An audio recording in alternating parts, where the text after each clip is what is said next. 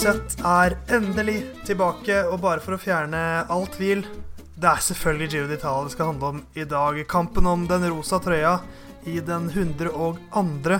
utgaven av uh, Italias Grand Tour, den er nesten her. Men en som er her, er deg, Simon.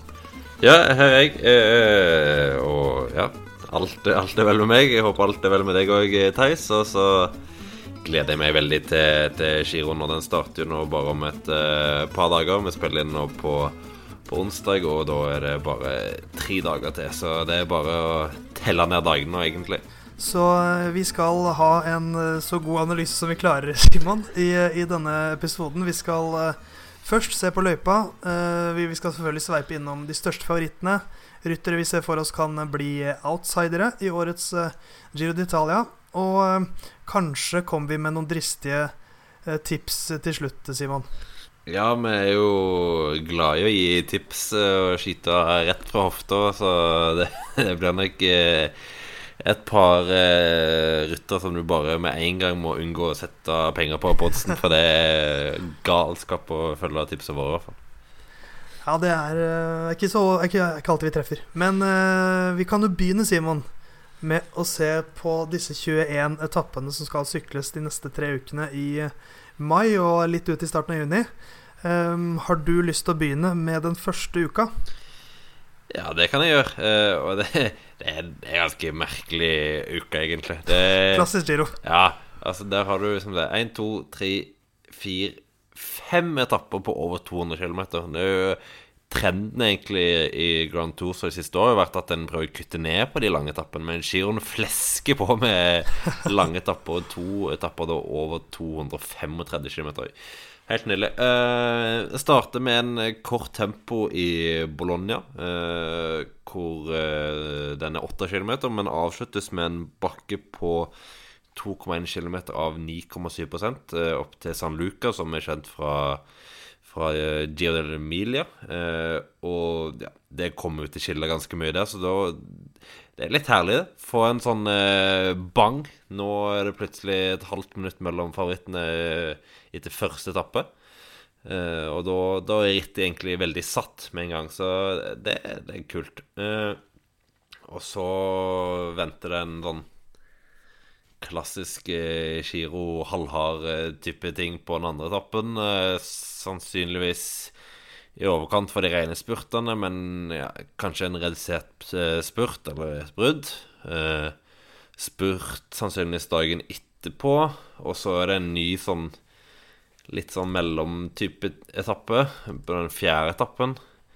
Eh, som eh, de siste to kilometerne er 4,4% så høres litt ut som en avslutning som er perfekt for Caleb Yoon i den formen han har vist eh, så langt i år i, i bakkene.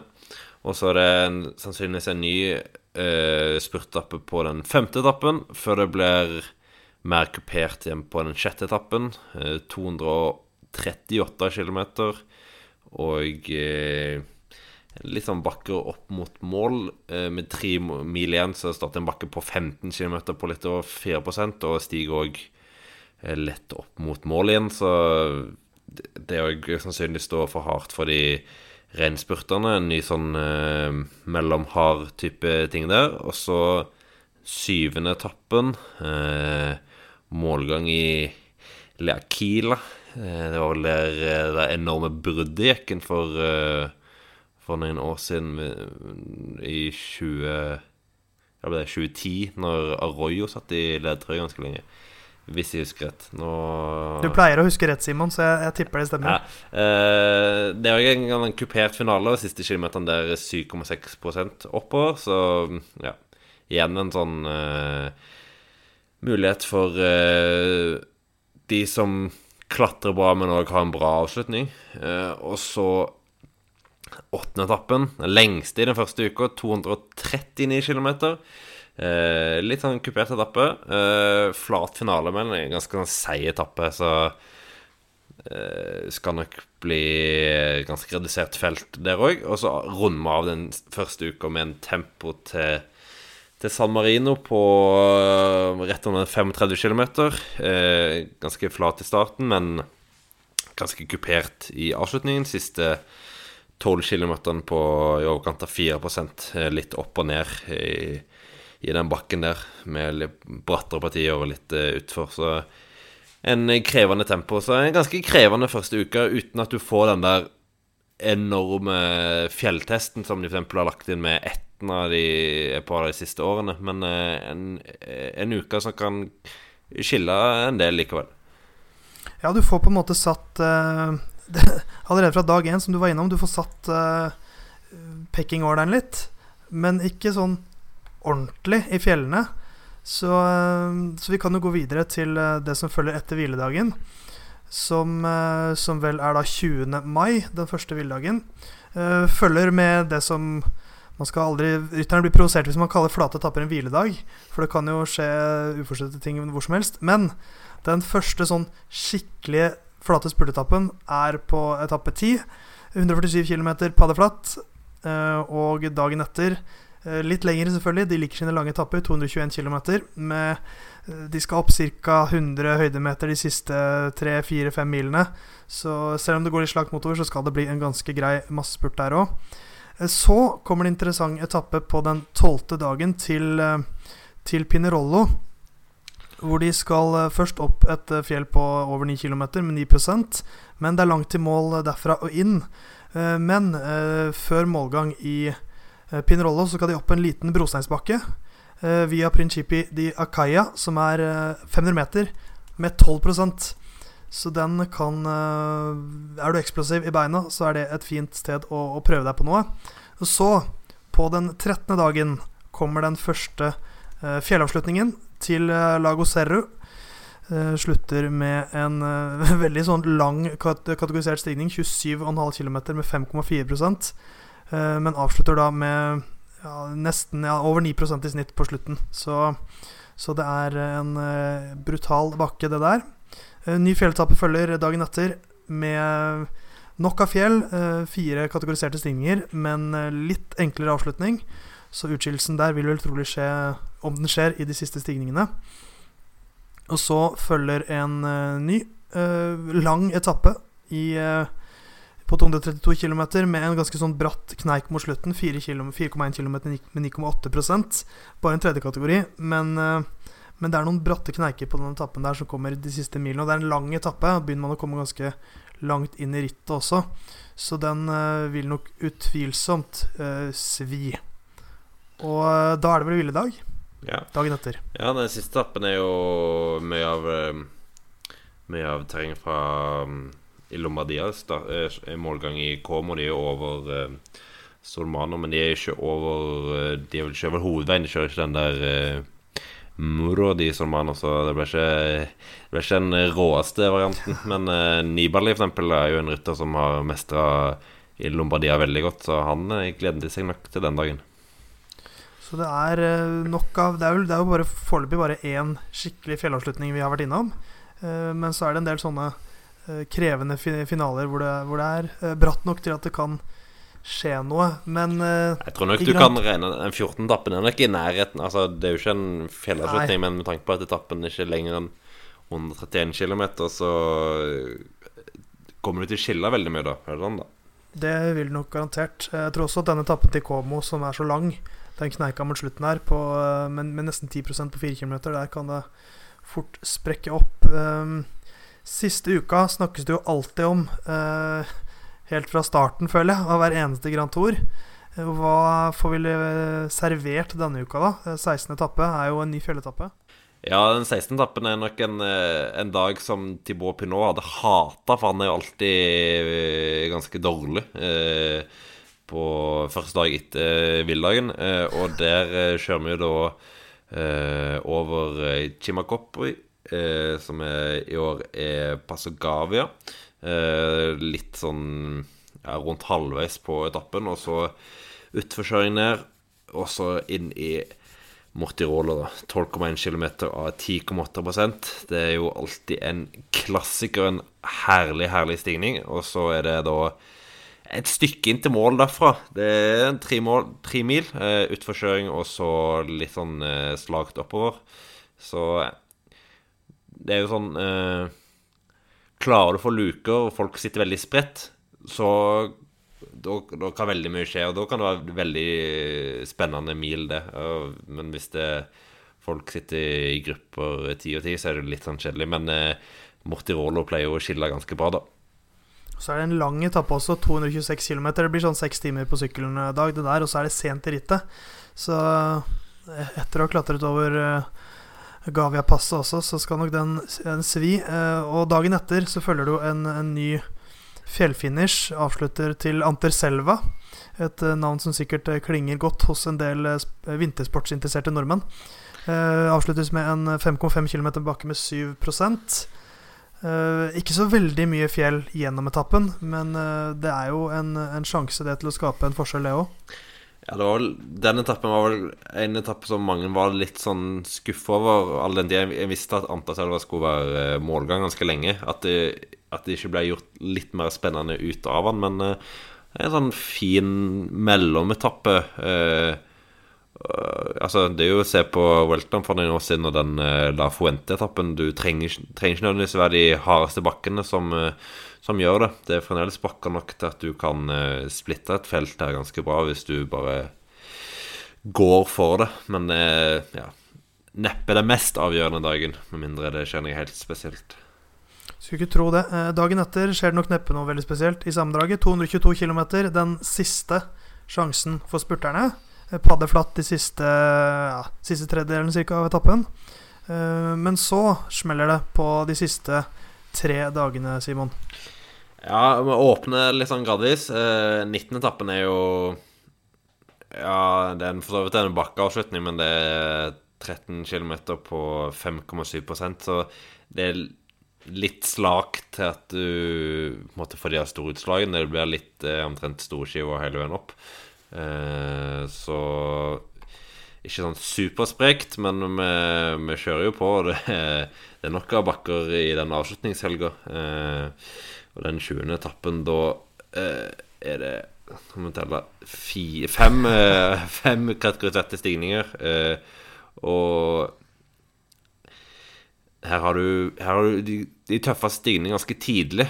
Så her må du bli kjørt fra, fra, start hvis noen er ute etter å gjøre noe Hvis de ligger langt bak i sammendraget eller skal sette en eller annen under press. Så her kommer det sikkert til å være ganske bra kok ganske tidlig. Og det er jo alltid fint. Ja, der har du jo Eh, det, alle vet jo at det, det venter en, en, veldig viktig etappe dagen etter. Eh, så de, de, klatresterke rytterne har sin siste sjanse der. Eh, og nok en ganske lang etappe, nesten 200 km, med veldig mange bakker. Og så følger det da en siste etappe i Verona, 17 km med tempo. Med en bakke i midten på 4,1% med Nei, 4,8% som er 4,1 km lang. Eh, før vi da får kronet en vinner av denne 102. Giro d'Italia. Uh, og det er rett og slett årets uh, Giro-løype. Hva, hva, er din dom, Simon? Nei, det er jo en ganske tempotung løype. Da. Det er jo det åpenbart det første en ser. Men samtidig så er jo tempoene relativt kupert. Alle har innslag av, av noe kupert, så det, da minsker jo litt den fordelen som, eh, som Tom Dumoulin og Primoz Roglic kanskje har mot mindre mindre temposterke ryttere. Men eh, det er jo klart at det er en grunn til at de er, de er, her i år. De har jo sett seg ut at dette er en løype de tror de kan gjøre det veldig bra i. Og du mangler jo Du har ikke så mange av de der råe toppfinishene, og det er jo òg klart i deres favør. Ja, det er jo som du sier, eh, det er nesten 6 mil med tempo, 59,8 km. Eh, fordelt på tre dager. Eh, den lengste tempoen da i midten med 34,8. Men, men kuperte tempoetapper, så Så jeg, jeg syns giroløypa er Den er ok. Det er ikke noen sånne helt sånn ville, sjuke etapper som er helt hinsides. Men, men det er liksom ikke Det er ikke noe kontroversielle valg heller. Uh, og så er det jo den oppbrukte klisjeen med at det er rytterne som skaper rittet, ikke løypa. Uh, og det gjelder jo hvert eneste år, så, så Dette er i hvert fall det rytteren har å forholde seg til. Det er jo en sen tempo her, uh, og den vil jo da dominere spillet den siste uka i veldig stor grad. Hvor du har klatrere som er desperate etter å skaffe seg et forsprang. Så har du tempokanonene, som du nevnte, Roglic, Demolay osv., som vet at de kan sannsynligvis kjøre inn ganske mye tid på den siste 17 km lange tempoen. Så um, det er mye å glede seg til. det, det, Ikke for spurterne, riktignok. Nei, det er vel Tour de France som er kanskje det, det fremste rittet for, for spurterne når det, når det, gjelder antall sjanser. Men det, for, de, for de av spurterne som klatrer bra, så skal det være en del muligheter. Eh, så jeg tror nok Caleb Ewan eh, ser fram til noen dager i Italia. Men eh, spurterne de skal vi komme tilbake til etter hvert. Nå skal vi ta en titt på de største favorittene. Det er en haug med ryttere som har vist uh, strålende form i vår. Uh, noen har skilt seg mer ut enn andre. Og en av de aller største favorittene er en som virkelig har syklet ganske bra i vår. og hvem er det vi snakker om, Simon? Ja, det er jo mannen som fløy gjennom gatene i Genéve på, på søndag, ble vel det. totalt overlegen i Tour de Romandie, Primoz Roglic, som jo da har vunnet han har vunnet de tre etapperittene han har stilt opp i år.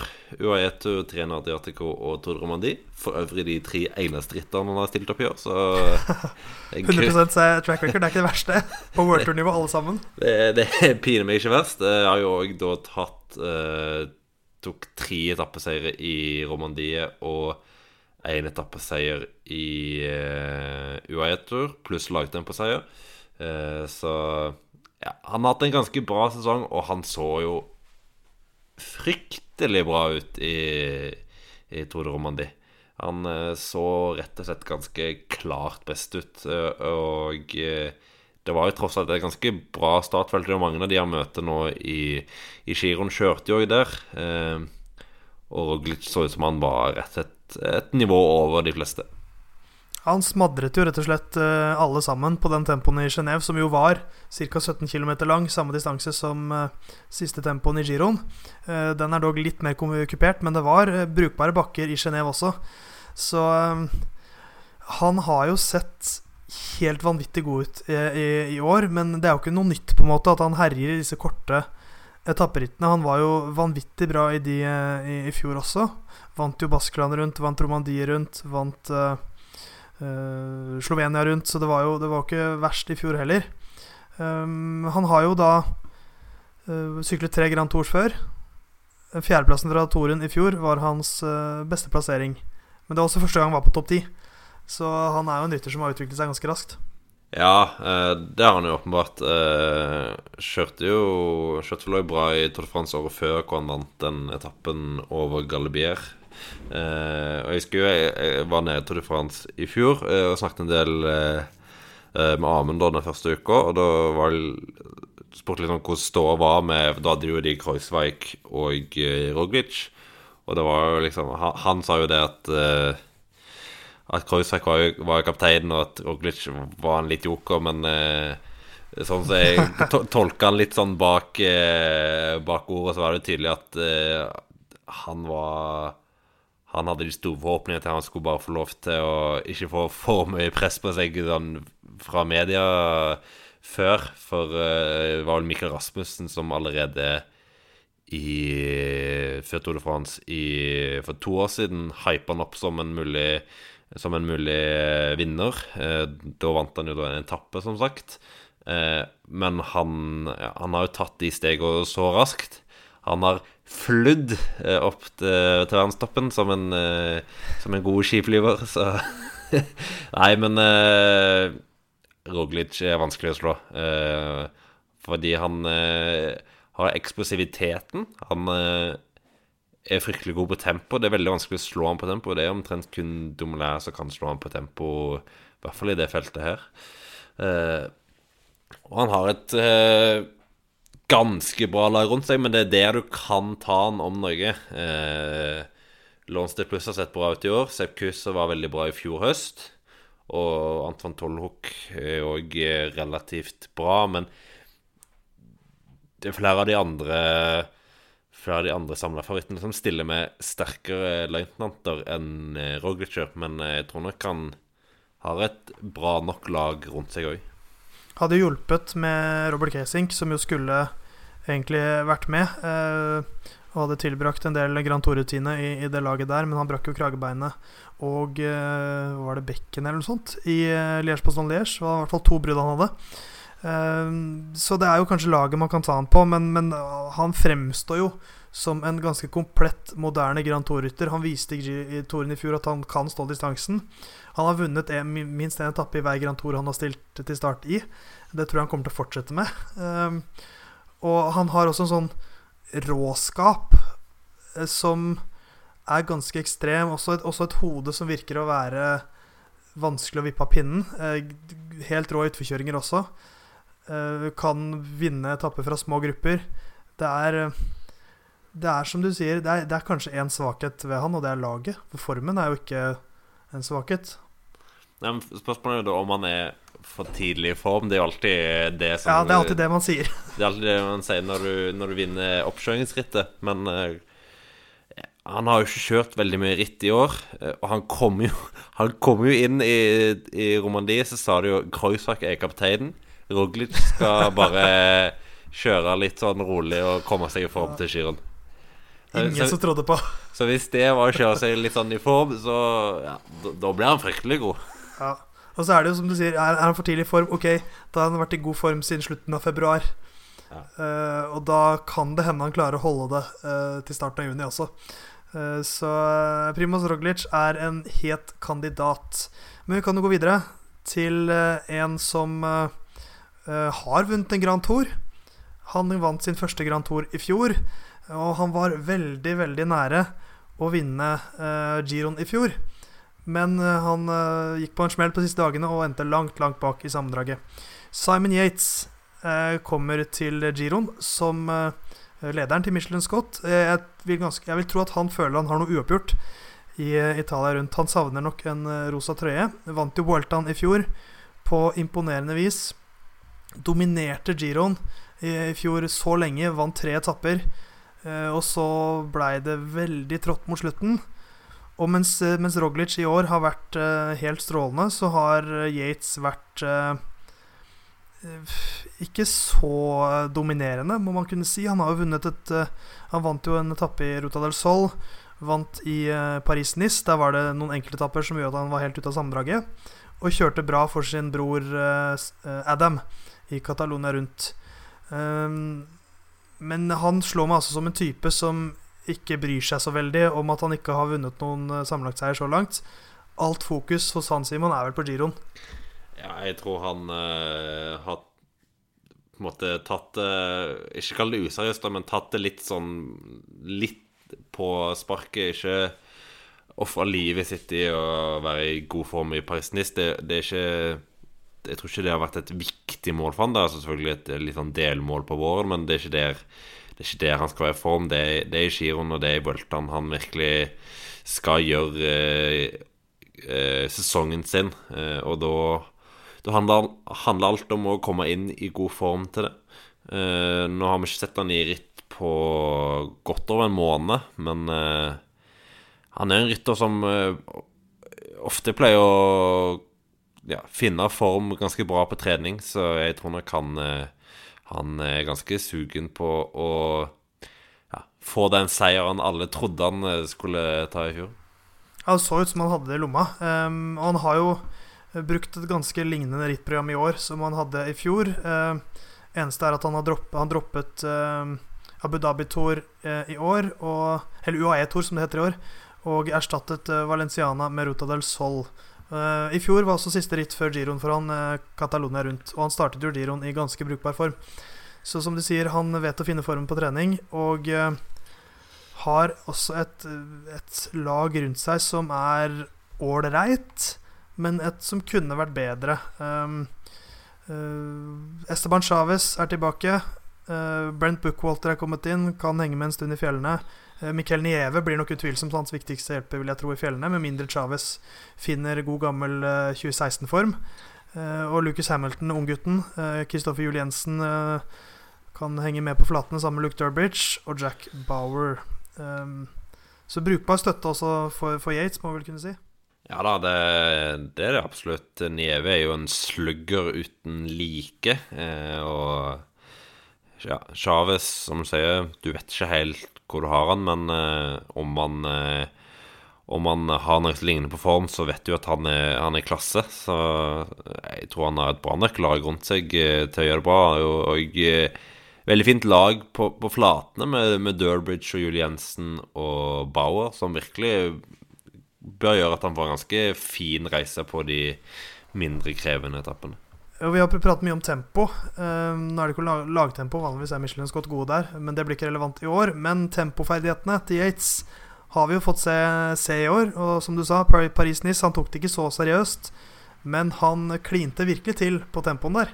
Ja, det, det, det var vel riktignok litt sånn eh, vind som endra seg underveis, men han, han, vant jo den tempotappen eh, rimelig overraskende. Riktignok så var flesteparten av verdens beste temporytter i Treno Adriatico, men eh, du skal aldri skimse av en temposeier. Eh, og Yates eh, er jo egentlig relativt god på tempo. Han er ikke Roglic og, og Dumoulin-klasse, men han er, han er, god, han er solid. Og jeg tror ikke Jeg tror ikke han taper så fryktelig mye. Jeg tror han er av, av sammenlagtfavorittene så taper minst. Eh, Sammenlignet med flere av de vi kommer inn på senere.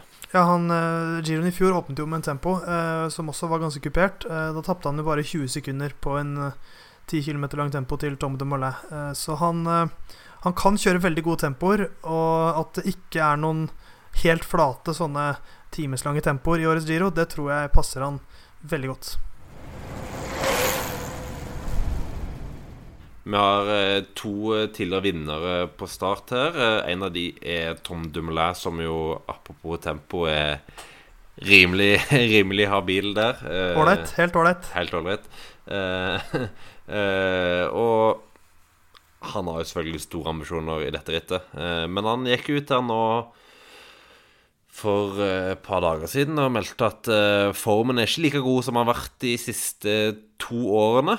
Eh, så får vi se om det er taktisk eh, utspill, eller om det stemmer. men det er klart han må, han må regnes som en av favorittene i år. og det er en løype som bør passe han bra. Han, i likhet med Roglic, relativt eksplosiv i, i litt flatere finaler, og slakere finaler. Og du unngår de der verste bratte toppfinishene som, uh, som kanskje hans uh, akilleshæl når de Hvis du kjører type sånn Colano og type målgang oppe der. Så jeg tror det er en Giro som passer veldig godt for, for uh, Dumoulin. Så spørs det på, på, formen, da. Laget bør jo være uh, relativt bra med, med Omen som viktig, viktigste hjelper. Han ble jo han ble vel topp ti her i fjor. Uh, nå, nå velta jo Keldermann igjen og sørget for at Det er jo helt sjukt. Det er helt sjukt. Hvor mange kragebein skal han brekke i sin karriere? Nei, det, Han skal vel brekke de så lenge det går an å brekke de. Eh, og hver er, gang Tom Domolet trenger en uh, klatrehjelper til giroen. Ja. Nei, det har blitt det et par ganger nå hvor han har eh, skulle kjørt uh, Dumle for å hjelpe han, og så uh, ut. Så, men uh, ja, han har fremdeles med seg da Sam og Baklands og Chad Haga og Robert Power, som har sett bra ut i år. Så jeg tror nok han får relativt grei støtte likevel. Ja, absolutt. Og han, han, så jo at dette var en giro som passet han veldig godt. For han endret vel litt fokus med, med, et år der det skulle handle om Tour de France, men så kom Giro-løypa, og så var det Oi sann, her var det tre tempoer. Eh, og ikke så veldig mange krevende fjellavslutninger. Så, og han har jo utviklet seg til å bli en, en veldig, veldig stabil Grand Tour-rytter. De siste, siste, årene ble nummer to både i Tour de France og Giro d'Italia i fjor, etter at han vant Giro d'Italia i 2017. Uh, og som, som, jeg nevnte med Roglic, han har nå vunnet en etappe i seks Grand Tours på rad som han har syklet i. Så Og det der med at folk prater ned formen sin osv., det er jo også vanskelig å vite hvor mye man skal legge i det. det er jo aldri dumt å komme i at forventningene til deg senkes litt, eller i hvert fall at du klarer å flytte fokus litt over på andre ryttere. Så um, Han har jo også gått litt, eh, litt under radaren så langt i år. Lite å rope hurra for, ingen seier. Har vært sånn så i lende på en del På en del etapper og i noen ritt her og der, så jeg føler meg trygg på at han kommer til å være der i Giro nå, jeg. Ja, jeg tror nok han uh, Han har nok mer på lager, så det kommer nok ut nå i mai. Det gjør det nok utvilsomt. En annen som har gått litt under radaren i år, som har listet seg sånn litt stille, stadig i bedre og bedre form, er den andre tidligere vinneren av Giro d'Italia, Vincenzo Nibali. Uh, han har til og med vunnet to ganger. 2013 og 2016, er det vel. Mm. Og uh, mens de Mollet har vært veldig anonym, så syns jeg Nibali har hatt en veldig fin sånn stigning i formen sin. Ikke noe ekstrem utvikling, ikke noen sånne sjumilssteg. Det er bare jevnt og trutt. Begynte veldig anonymt i år, eh, så ikke så mye til han. Eh, I Milano Sanremo, Han var i tetgruppa som kom til mål, ble nummer åtte. Men det var sånn klassisk Nibali. Han snek seg bare med på, på ren rutine, nærmest. Eh, og så kom han til Tour of the Alps, hvor han jo fremsto som sin beste utgave så langt i år, syns jeg.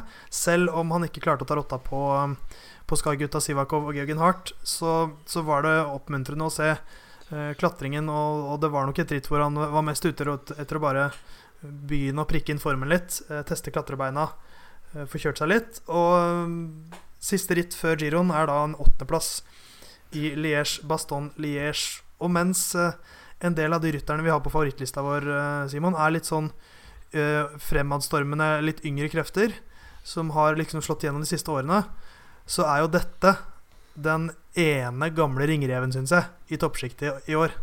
Ja, han har jo rukket blitt eh, 34 år. Han har blitt, eh, begynner å dra på. Han er ikke så fryktelig mange år igjen i, i toppen nå, men uh, han er absolutt uh, Han fortjener absolutt en plass i favorittsjiktet i år. Uh, og ja, litt, som du ser, Lisse litt i form. Veldig sånn klassisk italiensk, føler jeg. Og prikke alt inn og så være i kjempeform i, i, i giroen. Så han virker til å være på absolutt rett vei.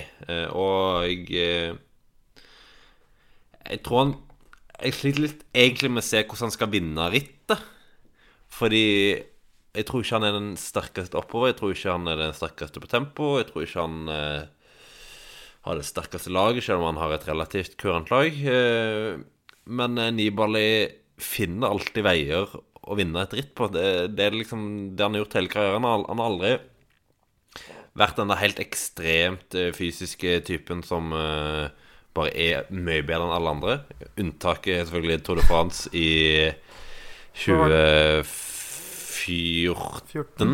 Hvor han var den eneste som holdt seg på sykkelen. Ja, uh, men sånn generelt så er han jo en syklist som vinner Vinner rittet sine, sine fordi han er veldig taktisk god. Han, er, han, han vet når han uh, skal støte, han vet når han ikke skal støte, han vet når han kan overraske folk. Og det har han gjort gang etter gang, og han kommer nok til å prøve seg på noen stunt i år òg, tror jeg.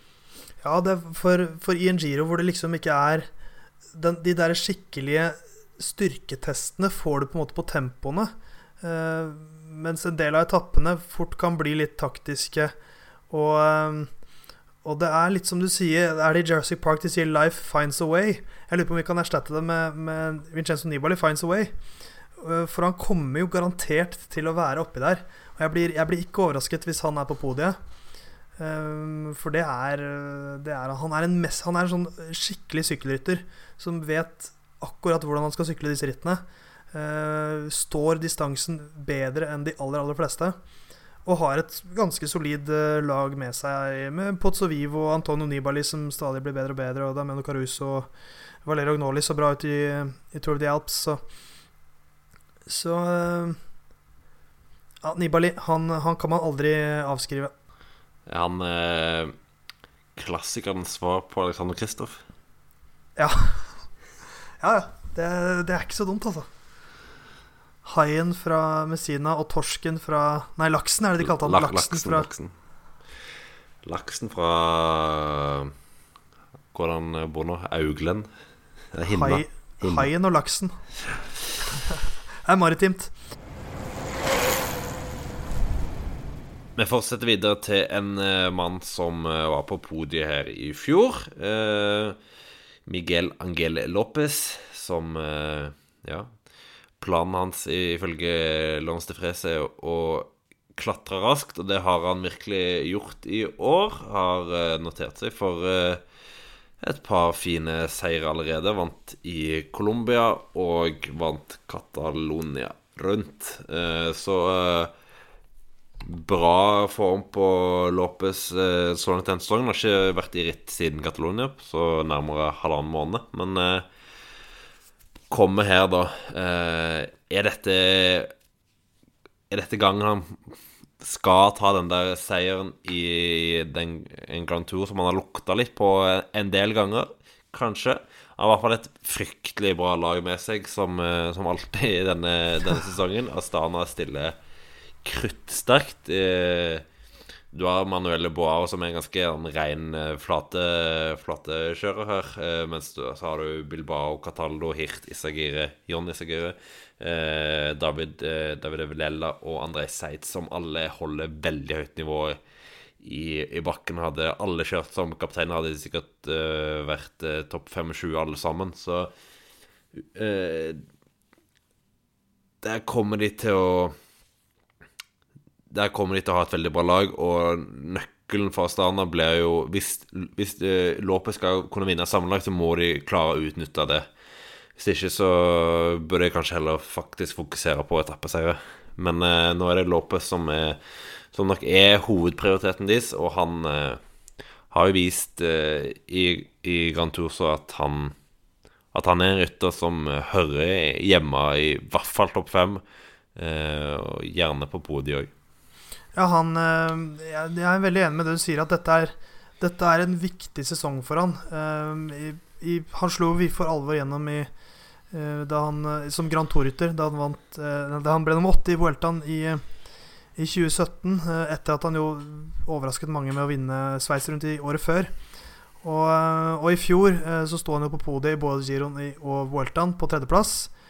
Og nå holder ikke det for han lenger. Uh, han, han, er her for å vinne. Og uh, har et veldig godt lag i ryggen, som du sier. Altså Peo Bilbao ble nummer seks i fjor. Uh, så det, det, sier litt i Giro d'Italia. Og For øvrig den beste Subaldia-etterligningen siden mannen la opp sjøl. ja, det kan du si. men det er mye verdi å ha en Subaldia på laget.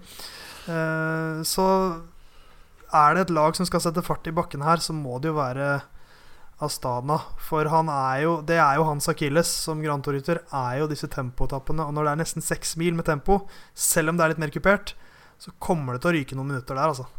Så han må, ha, han må finne de tilbake i fjellene et sted. Ja, eh, og det kan jo til en viss grad òg være Kall det håpet hans, da. At eh, han ligger kanskje to, to og et halvt, tre minutter bak etter den første uka, hvor vi da gjennom to tempoer. Eh, at han da får gå litt umarkert eh, på et par av de første fjelletappene og kan eh, kjempe seg opp igjen til en posisjon hvor han ja, virkelig er med og kjemper igjen i, i sammendrag. Og det er jo ofte Han har jo ofte kjørt en del sånne stunt fordi han har vært litt langt nede på, på listene. Så jeg tror nok eh, han fort må gjøre det hvis han skal vinne. Eh, men spørsmålet er jo nå om noen tør å la han få en luke på ett minutt, halvannet oppi et fjell, for du vet hvor, hvor sterk han er. Så Nei. Eh, han, han, skal få det tøft med å vinne pga. det manglende tempostyrken hans, men han, han er en, så, en, rytter som er så god i fjellene at han skal bli fryktelig vanskelig å, å ha med å gjøre der, i hvert fall. Absolutt. Uh, for å ta et konkret eksempel på, på tempoferdigheten hans. Denne tempoen som Yates vant i, i Paris-Nice. Uh, startes startet også ganske tidlig. Uh, han var en sånn 20-30 plasseringer bak Yates på, på den etappen. Nei, på, før start. Og tapte da 1 minutt og 23 sekunder over 25 km til Simon Yates. Så det er en bekymring. Men uh, han klatrer jo bedre enn de aller, aller fleste, og det har han jo vist i god klatreform i år også. Til uh, La Molina i uh, Catalonia så vant han jo. kjørte fra alle sammen. Og og forsvarte seg altså veldig godt i Barcelona, selv om han var litt isolert. Og en av de leaders of the gang. han blir absolutt å regne med. Vi kan jo gå videre til en annen spansktalende herre som har eh, til gode å, eh, å vinne en Grand Tour. Uh, Miquel Landa, som eh, kjører som eneste, eller uttalt kaptein, for Movistar. Eh, de har jo også med Richard Carapaz, som ble nummer fire i fjor. eh, som sto for den beste Grand Tour-plasseringen til Movistar i fjor. Eh, litt overraskende. Men det er Landa det skal kjøres for i år. Fikk jo en litt, eh, ikke bare litt, men ganske kjip slutt på 2018 med en ganske stygg velt i San Sebastian. eh, og fullførte ikke noen av de italienske rittene han syklet etter det. I år um, vært uh, positivt overraskende, syns jeg. Vant en etappe i Coppi Bartali. Den tror jeg betydde mye, betydde mye for, for hodet hans. Uh, har fortsatt ikke vunnet noe ritt sammenlagt, men var så bra som syvende mann i Baskeland rundt. Eh, men et, en liten fartsdump i Vuelta Storias, der han ikke fullførte. Eh, for han sto av eh, Han startet ikke den tredje etappen pga. en dårlig tå. Og det Tå- Tånegl. Ja, dårlig tånegl. Eh, så da ble det Richard Carapaz som vant rittet isteden. Uh, men de har jo en, en veldig god rytter i Landa, og en god backup, kan vi kalle han det, i, Ra- Carapaz. Ja, du kan nok, du kan nok se det. Eh, Og de har jo et bra lag, de òg. Amador, som på sine beste stunder i hvert fall eh, kan gjøre det bra her. Eh, Men eh, ja, det blir spennende å se Landa på en måte skikkelig tilbake i, i rittet, hvor han jo slo igjennom i så stor grad i eh, i 2015. Da hadde han jo hatt en god båssesong allerede og har vunnet etappe i Baskeland og kjørt bra i Tour de Alps, men det var jo i giroen han virkelig fikk sitt definitive gjennombrudd med å vinne to fjelletapper på, på rad, og så egentlig en stund ut som han kunne kjempe om, eh, om sammenlagtseier, men så ble det litt sånn eh, politikk med, med Fabio Ru og inne i Astana-laget der. Eh, så han endte på tredjeplass, og jeg tror han er veldig gira på å gjøre noe lignende i år. Så selv om det kanskje ikke har vært gnistrende så langt i år, så jeg tror han er solid nok. Jeg tror han formen er relativt der han, eh, der han ønsker. Eh, Så jeg tror han blir ganske Ganske eh, hard å slå. Men i likhet med Lopez, tempo er Tempo i akilleshælen. Det er utvilsomt en, en ganske stor svakhet. Det er jo en viktig, stadig viktigere egenskap, eller som, som går igjen hos de som vinner Grand Tours de siste årene, er at de kan kjøre ganske gode tempoer. Ehm, så jeg, jeg, jeg vil ikke plassere han på toppen, men, men jeg, jeg tror han er en rytter som kan på en måte At han slipper det derre presset med å sykle sammen med Valverde og, og Quintana. Det tror jeg fort kan være litt befriende for han. Selv om han har Carapaz der, så tror jeg ikke det føles ut som en, en konkurrent på samme måte. For han har tross alt er mye yngre, eh, ikke den samme statusen i laget. Eh, og det er tross alt Landa som kommer til å sykle med start nummer én. Eh, og å slippe bare å tenke på Valverde og Quintana, at han vet at det er meg det kjøres for, det tror jeg kan være befriende for han. Eh, han har jo vist før at han er god nok. Ja, jeg tror du har veldig rett i det. I fjor ble det jo Hadde vi jo dette ja, berømte trioletrollet med Valverde, Quintana og Landa i Tour de France, så det ble jo liksom, Det sprakk greit i sola, det. Ja, det ble De klarte ikke å spille hverandre gode, for å si det veldig enkelt. Eh, I år så skulle jo egentlig Valverde kjøre giroen, men han ble jo skada eh, i forkant av Liège-Bastogne-Liège, eh, så han eh, han måtte jo droppe det. Eh, så da får vi vel se alle tre i Tour de France i år òg, eh, sannsynligvis. Landa Quintana skal i hvert fall kjøre der etter planen, så da gjør sikkert Valverde det òg. Eh, men ja, jeg tror du har veldig rett i det. Jeg tror det er veldig befriende å slippe å ha Valverde der. Eh, han Han har så store stjerner i det laget at han, han tar så stor plass. Og selv om han eh, for all del har gjort en del jobb for Quintana og sånt de siste årene, så, så er det nøye med det at så lenge Valverde henger med, så, så er det da er kapteinsansvaret veldig delt. Selv om Landa nok har klart mye større potensial enn Valverde i trykkersrittet nå. Det, jeg tror nok Valverdes tid i, i, de lengste rittene der er, er litt eh, passert. Så en, en, fri, en fri Landa i, i, en Grand Tour han har trivdes veldig godt i. Eh, der han har vunnet tre etapper. Eh, det var der han fikk sitt gjennombrudd. Se opp for Miquel Landa. Eh, og nå skal vi gå videre til eh, ryttere vi ser på som eh, kanskje ikke de største favorittene, men outsidere.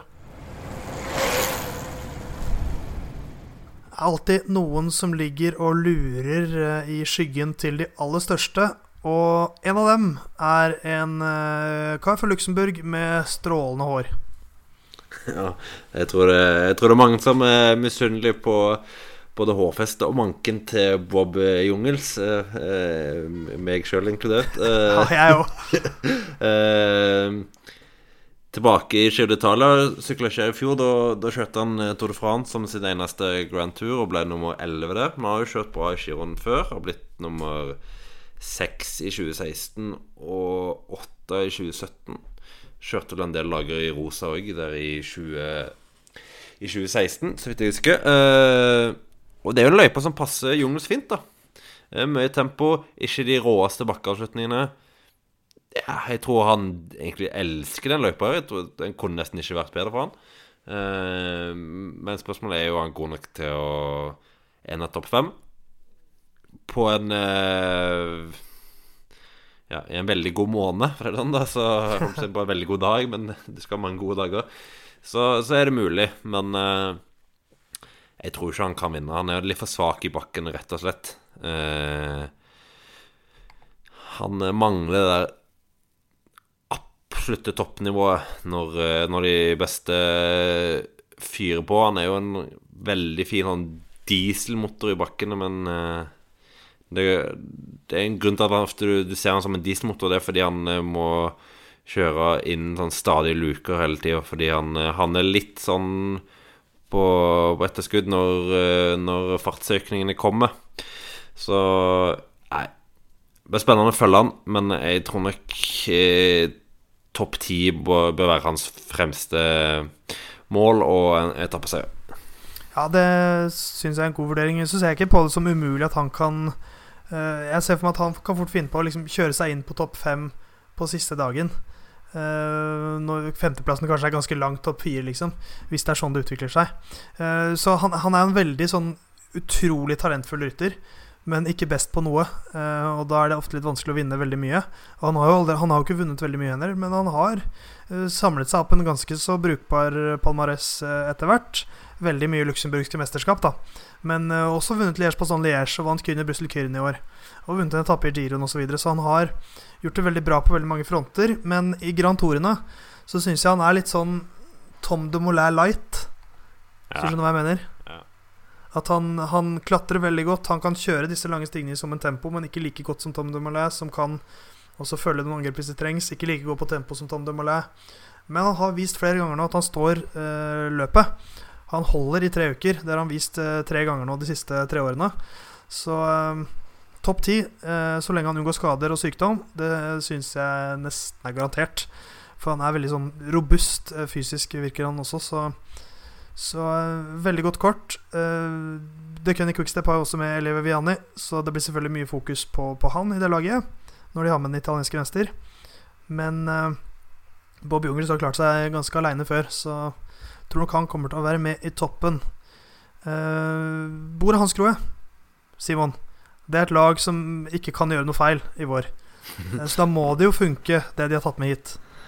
Ja, det er et uh, spennende lag eh, her, uh, og har da tatt med to ryttere for, for sammendragen, kan man si. David Formolo og Rafa Maika. Begge som har kjørt ganske bra tidligere. Maika har vel på mange måter sitt sitt slags gjennombrudd eh, egentlig i Giro d'Italia for en, mange år siden, hvor han eh, begynte å virkelig etablere seg som en sammenlagt rytter av eh, rang. Og for mål og en klassisk slugger som sniker seg inn på topp ti siste, siste uka. Så et, et, bra lag, selv om det nok ja, det, er ikke, det er ikke det mest spektakulære, men jeg, men jeg tror de blir veldig kule å følge med på, for jeg tror nok vi får se mye angrep fra dem. De bør være ute etter litt etappeseiere, og Formål og Maika er gode på nettopp det. Og det har vi jo sett Formål vant jo en etappe i Catalonia, og Maika har jo vunnet mange Grand Tour-etapper, så en veldig fin duo for fjellene. De er òg med Poljanski og Schwarzmann, så god støtte òg. Ja, jeg, jeg, ser for meg at det er så, sånn typisk at en av dem kommer til å være helt ute av sammendraget før siste uka, mens en kommer til å ligge og, og, og vake sånn åttende-niendeplass. Eh, og kanskje kan kjøre seg litt opp på siste uka. Eh, Maika har man jo på en måte sett i toppen Kanskje ikke i sammendraget de siste årene, men han har alltid vært bra med i fjelletappene eh, de siste, dager, siste ukene. Den siste uka, mener jeg, i Grand Tourene. Eh, mens Formolo har jo slitt litt, men hatt en veldig, veldig veldig oppløftende vår. Eh, denne etappeseieren i, eh, i Catalonia var jo hans eh, første seier siden han vant en etappe i Giro d'Italia i 2015. Og uh, andreplassen i Liège Bastogne Liège, hvor han var uh, bare han og Michael Woods som klarte å følge Jakob Folsang i siste bakke, det, det er også veldig, veldig sterkt. Så um, at det blir en seier til uh, Bor Hanskro i Årets Giro, det føler jeg meg helt sikker på. Uh, så får vi se om, om Formolo har funnet uh, Giroformen. Ble nummer ti i, i Giroen i fjor og året før igjen. Så um, meget, meget jevn rytter. Uh, og så har vi en, en, mann vi må nevne, Simon, som er en, en favoritt i Musett. Musett-relasjonen.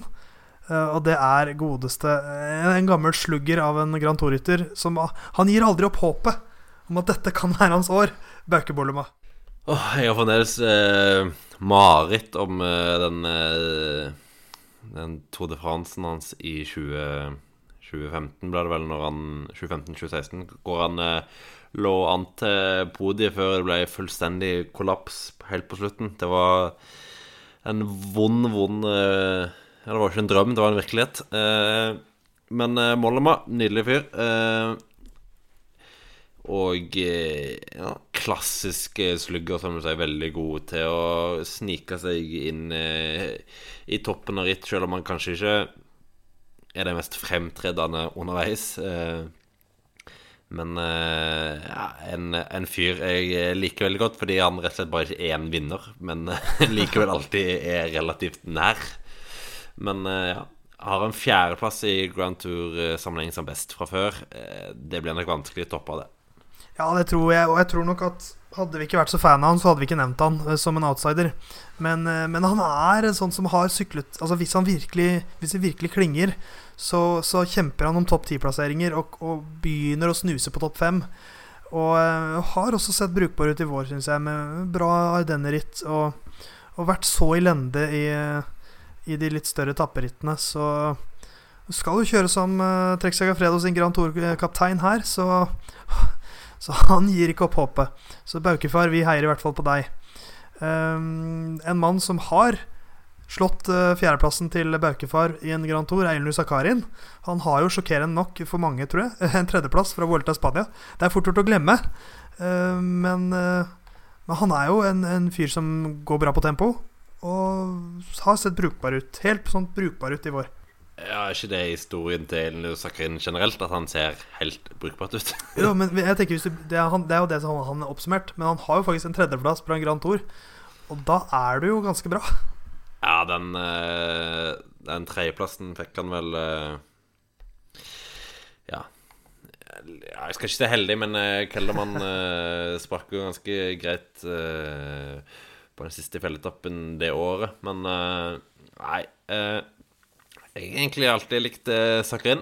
Sånn veldig hengslete type som du Merkelig å se for seg at det skal være en veldig god sammenlagtrytter. Eh, eller sykkelrytter generelt. Han ser jo generelt sett fryktelig klønete ut. Men uh, han, han, går Han får beina til å gå ganske raskt rundt. Og han er jo Han er ikke like god på tempo som han var når han slo gjennom i 2015. Men fremdeles relativt god på tempo, så er det en løype som passer han ganske bra. Ligner jo egentlig mye på, på Bob Jungels som, som, en rytter. God på tempo, god i bakker, men mangler litt på, på begge deler. Så får se. Eh, Diakatusha har jo òg med et uh, greit lag rundt han, og uh, i tillegg så har de da Marco Haller på, på selvrealiseringstur, som uh, Jonas Lundstrøm ville kalt det. ja, nei, det blir, det blir, spennende å se. Han, han, beviste jo så sent som i fjor at han er en bra Grand Tour-rytter. Ble nummer ni i Tour de France og nummer 20 da i Vuelta Spania. Men han har tre topp ti-plasseringer fra Grand Tours de siste to sesongene. og det er ikke så mange som kan vise til så veldig mye bedre enn det. Så eh, Zakarin enn å følge litt med på. Eh, hvis vi skal se på litt, litt yngre krefter blant outsiderne eh, Ben O'Connor og Dimension Data, det har jo vært eh, bekmørkt så langt i år for Dimension Data. Som om en i solo til spurtene. Jeg har ikke helt troa på at det kan bli det helt store. Men Ben O'Connor, 23 år gammel, han har vi lyst til at skal få til noe, Simon. Ja, men lanserte han jo på gjennombruddslista vår eh, rundt, eh, rundt, nyttår. Men han har jo ikke helt fått det til. Han har vært litt eh, Han har vært litt med litt sykdom i et par ritt. Og ikke noe helt full klaff. Men jeg håper jo at han har klart å finne toppformen og litt sånn i det stille. Og at han virkelig kan kline til i, i skirenn. Han har jo ikke vist noe år som tilsier at han skal kunne kjøre topp ti. Men han var jo veldig god her i fjor, eh, og han er jo Han er jo som sier 23 år, så en svinger jo litt på I den alderen, så plutselig finner han tilbake til de beina han hadde i fjor, hvor han egentlig var på vei til å kjøre topp ti før han eh, Før han uh, måtte bryte. Så eh, det er en fyr som ligger sånn i vannskorpen på å få det gjennombruddet sitt, og i år kan, eh, kan være det året hvis han, eh, hvis han finner fjorårets girobein. Ja, det blir Jeg håper virkelig det, for han er et veldig spennende talent, men har slitt litt i vår. Så, så fordelen med Dimension Data er at han kommer til å få massevis av sjanser. Så vi krysser fingrene for at han kan få til noe. Um, et annet vi kan si lag som er litt sånn vanskelig å vurdere, syns jeg, er eh, det laget som nå heter Team Inios. For de mistet jo en rytter som jeg tror mange hadde som sin kanskje største favoritt, Egan Bernal. Eh, som eh, var uheldig og brakk kragebeinet, var det vel. Eh, og det laget de kommer med nå, er på en måte Christian Knes og ungene som kan sykle gjennom Giro d'Italia i, eh, i, eh, i, vår. Fordi de, de har altså Christian Knes, da, som er 38 år gammel, har syklet 19 Grand Tours. Så har de Salvatore Puccio, som er eh, nesten 10 år yngre. Og så har du en, en gjeng med unggutter. Du har Sebastian Henao på 25. Du har Theo Gegen Hart på 24. Du har Grand Tour-debutant Jonathan Narvaez på 22. Eh, Grand Tour-debutant Eddie Dunbar på 22. Eh, du har Grand Tour-debutant Ivan Ramiro Sosa på 21. Og Grand Tour eh, andregangsmann Pavel Sivakov på 21. Det er um, på en måte noe litt forfriskende, syns jeg, med å se et, uh, et team i oss nå uten en storfavoritt. Jeg er veldig spent på hva de kommer til å gjøre. Ja, veldig. De har jo de, altså de tre yngste rytterne i rittet har de da i, sin, uh, i, i sin, sitt åttemannslag. Så det, det, sier vel sitt. Uh, og da skal bli veldig spennende å følge dem. Eh, Sosa, Sivakov, eh, Georgen Hart er vel kanskje de i fremste rekke tenker på for et eh, slags sammenlagt resultat. Men det er vanskelig å vite helt hva det er mulig å, å forvente av dem. Fordi de har jo ikke fått så veldig mange sjanser eh, sjøl. Uh, og ingen av de har jo ledererfaring fra en uh, Grand Tour. Uh, men vi så jo Tour of the Alps at nivået til Sivakov og Gorgenhardt er jo veldig bra. Det er jo ikke tvil om at de er gode nok, men spørsmålet er om de holder lenge nok. Ja, det er det som er vanskelig å si. Uh, jeg satt og tenkte sånn Kan vi se uh, altså den som Kan vi se årets Egan Bernal i dette laget? Uh, Bernal som jo var veldig god i Tour de France i fjor. Men Eh, Bernal, våren til Bernal var jo Han vant jo Colombia Arapas. Eh, han vant eh, Eller han var veldig nære podiet i Catalonia rundt. Han var nummer to i Romandie, så det var på en måte ikke noen overraskelse at han tok World Tour-nivå i Tour de France. Men som du sier, Georgen Hart og Sivakov De klarte å følge Nibali i Tour of the Alps. og Eddie Dunbar så veldig veldig bra ut i Tour de Yorkshire. Ble nummer tre i sammendraget der. og Sosa er jo forventningene skyhøye til. Så det er et veldig veldig spennende lag. Altså, jeg tenker jo at én av de tre gutta, da hvis vi skal si Sosa, Hart og Sivakov Jeg tenker at én av de må jo klare å kjøre seg inn på topp ti i sammendraget. En av de må jo klare å stå tre uker, tenker jeg. De har tre, de har tre muligheter. Ja, ja, kanskje. Jeg, jeg, jeg er veldig usikker, for helt ærlig. Uh, jeg tror nok det er gode muligheter for det. Men jeg ble ikke overraska om alle ender topp uh, Eller rundt 70.-plass heller.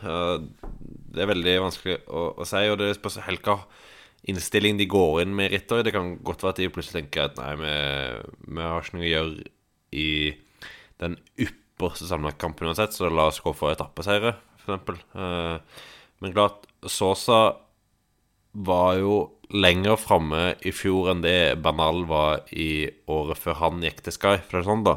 Eh, så progresjonsmessig så, så, kan han jo eh, være topp ti. Og den Exosa, som kanskje er den med høyest toppnivå av de, så han har ikke vist form, eh, god form, sånn som Georgen Hart ved Sivakov, ettersom han ikke har kjørt ritt siden Catalonia. Men eh, det er jo mange som, som, ikke har gjort det, og som kommer i god form, så jeg tror nok han eh, Jeg tror nok han skal bli ganske fin å følge med på, for i fjellene er det, er det ikke veldig mange som kjører for ham. Nei, eh, så er jeg veldig spent på Sivakov personlig. Eh, eh kom jo til eh, Team Sky, da, da, som det da het, sammen med, eller samtidig som Bernal.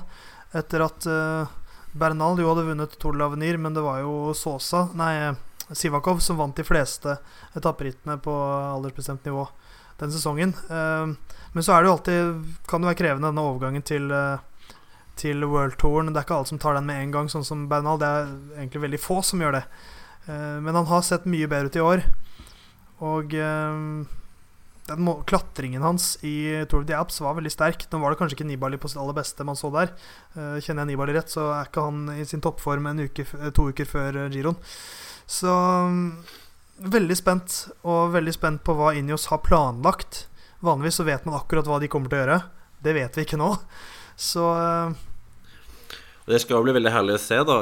Et, et, Injos-lag som sannsynligvis kommer til å være om ikke på offensiven, så i hvert fall De kommer jo ikke til, til å ta kontroll. De, de, kommer ikke til å kjøre et eh, tog oppover, opp fjellet, som vi pleier å se de gjør. Eh, og det kan jo ja, både gjøre at rittet generelt blir åpnere, og at eh, ja, da, får du tre-fire rytter som får mer eller mindre frie tøyler. Så ja, spennende å se. Utrolig nok så er det noen eh, spurtere også som tar turen til Giro d'Italia for å kjempe om uh, etappeseiere på uh, i hvert fall fem etapper vi tror kommer til å ende i spurt, og så kanskje et par til. Og så er det en eller annen som, uansett hvordan dette går, kommer til å ende opp med Ciclamino-trøya. Eller det som da er poengtrøya i Giro d'Italia. Og det er jo en veldig sånn fortung Giro d'Italia for spurterne, Simon. Ja, det ble jo litt sånn uh, Chiron ofte er. Uh, at en uh, ja, får med spurtene i første halvdel av rittet, så forsvinner jo de ofte ut. Uh, rett og slett fordi de ofte skal kjøre Tour de France òg, ofte. Og da blir det litt mye med seigpining i, i fjellene der. så da fire mer eller mindre klare spurtetapper på de elleve første etappene, og et par etapper som er sånn i, i grenseland for for uh, flere. Uh, så det er en, uh, en del muligheter der. og det er jo Ja, hva skal vi si det, det, er en del ganske spennende rutter å følge med på, men det er kanskje først og fremst Viviani, Gaviria og Ackermann som jeg har som mine tre sterkeste kandidater av de som stiller i Giron. Nå tror jeg eh, Caleb Ewan ville sagt 'what the fuck, Mike' hvis han hadde hørt på det her. Eh, for han skal vi heller ikke glemme. Arno de Mar også med. Morschetti i trekk Segafredo, Nizzolo for Dimension Data. Nå er det da spurtere som Jeg vil si fallende grad av, av skills.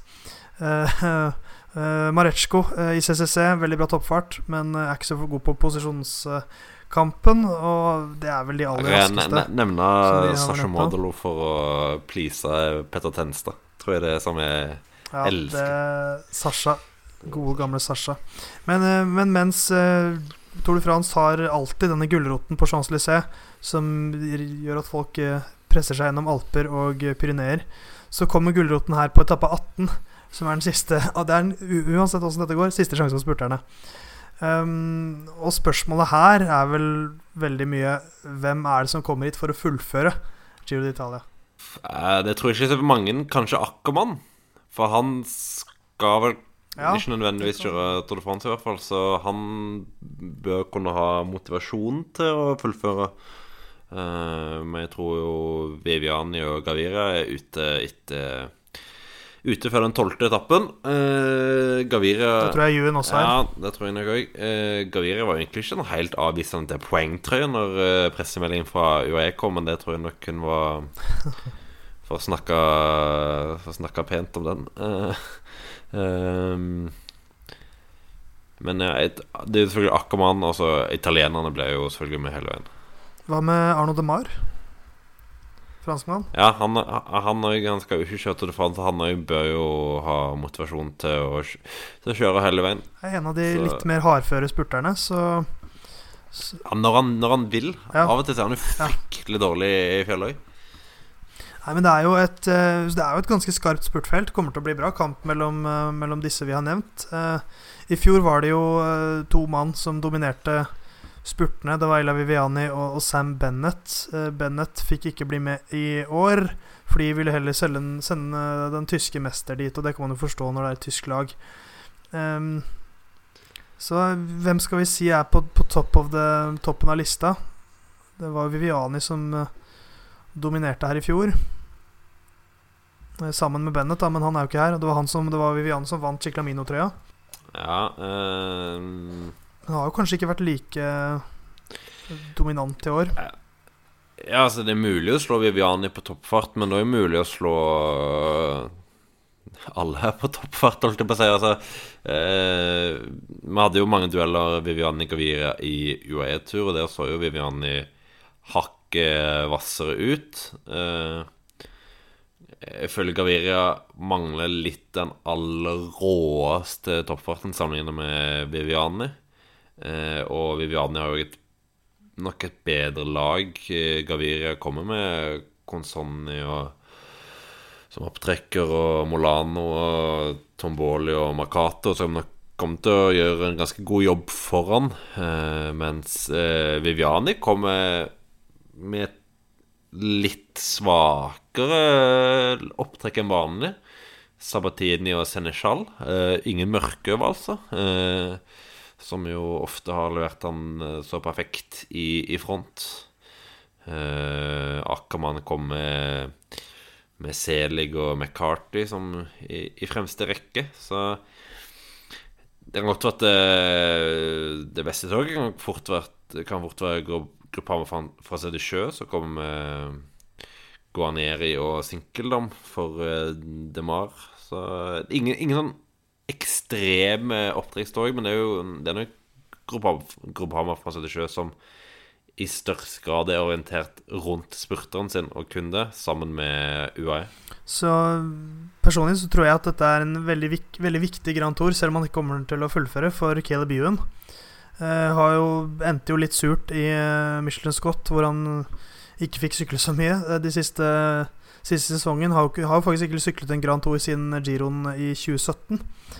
Eh, men han har jo, da vant han en etappe, så jeg tror han er veldig veldig sulten. Uh, har med seg et bra, bra tog, egentlig. Uh, I Roger Kluge, Jasper de Boist, Adam Hansen osv. Og, og mye tempostyrke i Victor Campenertz. Så de, de, er jo et, et, lag som er her med primært Caleb Buen og Thomas de Gent også, da, som selvfølgelig kommer til å finne på et eller annet. Men jeg syns også han har, han har virket bra i vår. Uh, er jo en rytter som viser stadig oftere at han kan faktisk takle disse litt sånn litt mer krevende avslutningene. Eh, vant jo eh, på Hatta-demningen og, og, vant denne etappen til Istanbul i, eh, i Tyrkia, hvor Sam Bennett uh, klinte til, men det var, var Ewan som, uh, som, tok det. Så se litt opp for Caleb Ewan nå, altså. Han Kanskje ikke på de aller flateste spurtene, men de litt mer krevende. Jeg er veldig enig i det. Han har sett veldig bra ut i de tøffere avslutningene. Og det er jo en del av de i den første uka, så jeg tror nok det er der hans fremste sjanse ligger. For han Ja den, uh, for eksempel den etappen han vant i Vuelta Spania når han slo gjennom, var jo òg en uh, type kilometer i slak motbakke, så han, han, takler det, han takler det veldig fint. Uh, så jeg tror nok han er mannen å slå i de halvharde avslutningene. Vi skal forsøke å velge oss ut en uh, rytter vi tror kommer til å vinne uh, Giro d'Italia, og en vi tror kommer til å skuffe litt. Men først, hvem, Simon, tror du kommer til å bli årets gjennombrudd? Ja, Da går jeg for en, uh, en rytter som har ja, for så vidt vist, igjen, vist igjen ganske bra så langt denne sesongen. første gang jeg på en måte virkelig Det første jeg virkelig husker fra han i år, er Milano San Remo, hvor han var den eh, som var eh, lengst levende av, av de TV-bruddet. Eh, og så kjørte han bra i Sicilia og ble nummer tre der sammenlagt. Og kjørte veldig bra i Tour of the Alps med to etappeseiere. Så min gjennombruddsmann er Fausto Masnada for et andreåndelag som kjører veldig, veldig bra for tida. Eh, har åpenbart tatt ganske bra steg nå de siste to-tre sesongene. Eh, 25 år nå, perfekt alder for å virkelig slå gjennom en stor seier, og jeg tror han tar, tar eh, Han tar en etappeseier og vinner klatretrøya. Ja, det er jo eh, et, et veldig godt tips, syns jeg. Eh, om han slår så bra til det, får vi se på. Men, men, å gå for en som har vist form, det er jo alltid lurt. Og som du sier, vært veldig god i Toro de Japs. Han, han vant jo Toro Hainan i fjor, eh, sammenlagt. Og det, det var et, hans første seier som proff. Sykler jo for Androni-laget, som også har Mattia Cataneo, så de har en veldig, veldig spennende, spennende tropp, egentlig. Og se, se, opp etter laget med, med flest sponsorer på drakta. Så Masnada, godt valg. Jeg har valgt meg en av Ineos-gutta. Og i og med at jeg virket ganske positiv til han i stad, så velger jeg meg Pavel Sivakov. Um, de har jo Theo Gegenhardt også. Han uh, syns jeg ikke er fremsto like bra i bakkene i, um, i Tour de Alps. Og, og Sivakov viste jo som uh, U23-rytter at han, han, han, han, kan det der å sy sammen et, grått, et godt, uh, godt sammendrag. Uh, Riktignok på litt kortere, kortere ritt, men uh, fortsatt viser de ferdighetene som trengs. Og har en uh, litt erfaring fra en Grand Tour i fjor. Syklet vel to uker i Vueltaen. Og det er også en viktig erfaring som Sosa bl.a. ikke har. Så uh, jeg tror at han blir Injos sin beste rytter i sammendraget, og jeg tror han kommer seg inn på topp ti. Så får vi se. det kan bombe fullstendig. Jeg tror det er litt enten-eller der. Enten så er det veldig bra, eller så er det 70.-plass. Før vi velger vår vinnerkandidat, så skal vi velge en vi tror kommer til å skuffe i årets Giro d'Italia. Uh, kanskje jeg skal gå først, Simon? Ja, kjør på. Og jeg har valgt meg en uh, kar med navn Arnaud de Mar. Jeg syns ikke han har hatt noen god sesong, fordi at det har han ikke hatt. uh, og jeg tror ikke han når opp i de flate spurtene. Der er det ryttere her som er raskere enn han selv om han har et godt lag rundt seg. Og i de litt mer kuperte sakene så tror jeg heller ikke han er den raskeste, for da tror jeg Caleb Ewan kommer til å være der. Så jeg tror han kommer til å gå fra giroen uten en eneste etappeseier. Uh, og ikke så veldig mange topp tre-plasseringer heller. Så uh, det er min, uh, min skuffelse, min, min, nedtur i årets Giro. Arno Demar, hva med deg, Simon? Eller hva tror du om Demar? Først det. Hva jeg tror om Demar? Nei jeg ble ikke overraska om han uh, ender opp uten etappeseier. Uh, det Han er nok en sånn ja, nummer fem, kanskje, på på den eh, rangstigen der. Det er spurtehierarki i, i så, så da må det jo klaffe for å, for å ta seieren. Eh, og han har jo da valgt å ikke fokusere noe på Tour de France i eh, kun på Giro d'Italia, så da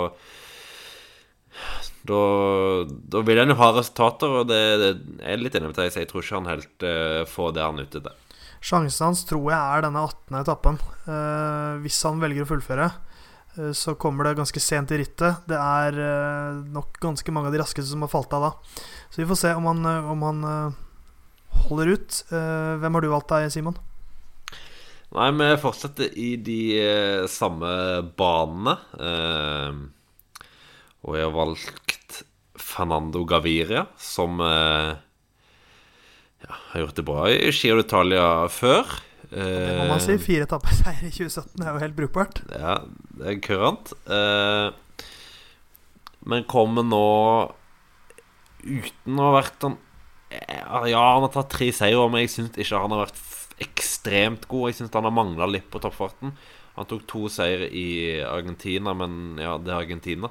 Eh, så vant han den ene etappen i UAE-tur etter et uh, bra opptrekk av Kristoff. Og jeg tror der Der ligger mye av problemene hans nå i Giro Italia. Han kommer for all del med Consonni eller Molano som sisteopptrekker. Det er eh, ikke noe vondt om de, men det er, det er en klasse ned fra Kristoff. Og da tror jeg han skal få det tøft med å, å få den posisjonen han helt ønsker inn eh, mot mål, og at han ender opp uten å tappe seg. Og etter at UAE eh, mista Fabio Ruud pga. den eh, operasjonen han eh, måtte gå gjennom, eh, så har du jo valgt å bygge laget ganske fullt rundt eh, Gaviria. Og hvis de da ender opp uten etappeseier, så vil det være en eh, stor skuffelse. Og det tror jeg faktisk det er en stor fare for at han gjør.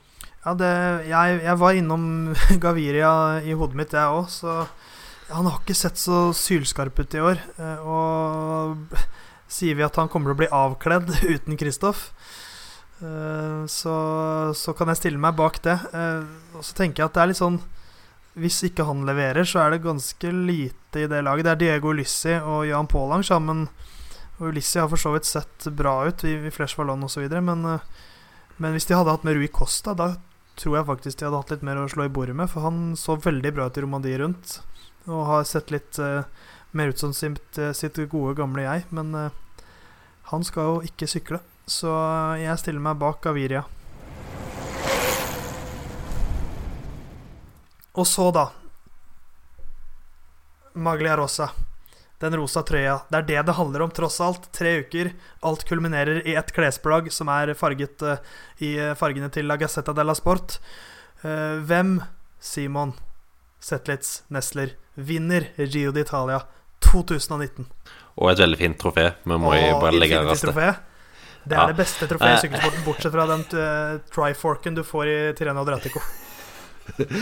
ja, og hatten i Baskelandet. Ja, italienerne kan det og gi gode premier. Og grisen men, i Trobrolian, eh, beklager. Dere kommer med på alle de gode, alle de gode trofeene. Nei, eh, min favoritt er en mann som aldri har vunnet en eh, Grand Tour eh, tidligere. Eh, han har eh, heller aldri vært på Alle har pallen, eller podiet, som det heter på godt norsk. Men i år så ser Primoz Roglic rett og slett fantastisk ut, og jeg tror han eh, Jeg tror han er eh, umulig å slå, rett og slett. Ja, det er jo eh, Det er nok mange som er enig med deg. Og jeg er nok egentlig enig, jeg òg. Hvis jeg skulle brukt hodet mitt, så hadde jeg nok valgt Roglic. Men jeg har gått for en litt annen en. For de, de, største rytterne De når et punkt i karrieren sin hvor det er treukersrittene som gjelder. Uh, Chris Froome er der nå. Alt fokuseres Alt fokuset ligger på Grand Tourene. Uh, Tom de Molay er også der til, til, en viss grad. Vincenzo Nibali. Um, og en som bare er 26 år gammel. Jeg føler han er der allerede. Simon Yates. Han uh, vant en Grand Tour i fjor. Han vant nesten Giro d'Italia i fjor. Eh, og har noe uoppgjort her. Og eh, det, er litt som, som i en god film, eh, når helten først blir knust første gang han møter, eh, møter det han skal forsøke å bekjempe. Det ser veldig bra ut, så blir han knust. Men så trener han, han blir bedre, han blir en bedre utgave av seg selv. Så kommer han tilbake, så banker han dritten ut av det han skal beseire. Så jeg tror Simon Yates er så besatt av å vinne Giro d'Italia nå at jeg tror han blir Jeg håper nesten at han blir vanskelig å stoppe. Eh, selv om han ikke er like god på tempo. Det vet han godt selv også, så da kommer han til å legge opp rittet sitt etter det. Det gjorde han i fjor òg, og da holdt han ikke helt inn. Men det tror jeg han gjør i år. For nå har han selvtilliten til en Grand Tour-vinner, og det har ikke Primoz Roglic. Nei, det, det, det, er et veldig godt argument. eh, Men en gang må være den første. Det, Det er sant. Så eh, Nei, men eh, ja, jeg, men eh, ja, Yates en, en veldig god kandidat, og jeg syns han Jeg synes nesten han fortjener det når han går ut og sier at han ikke bryr seg om Tour de France. Det, det er for mye show for han at han elsker Giro d'Italia. Det, det er en mann som virkelig har et ønske om å gjøre det bra her, så jeg tror han kommer til å kjøre et strålende ritt, han òg. Dessverre ingen nordmenn som stiller til start i eh, Giro d'Italia. Men eh, vi skal ikke glemme nordmennene i vår Giro d'Italia spesial. Eh, for i den norske sykkeluka, Simon, så har det skjedd gode ting. Carl Fredrik Hagen var jo egentlig tiltenkt en Ble vurdert til en plass i, i Giro d'Italia, men så ville Caleb Ewan dit, og da måtte han ha med seg et par mann. Men det han viste i Romandie rundt, et aldri så lite gjennombrudd. Ja, jeg tror det. Eh, altså, 15.-plass det er ingen som husker det internasjonalt sett, men eh, måten han kjører på, så vil jeg, vil jeg si det. Og det er veldig kort uh, vei opp. Det var Han har vel en 15-16-17 sekunder opp til tiendeplassen.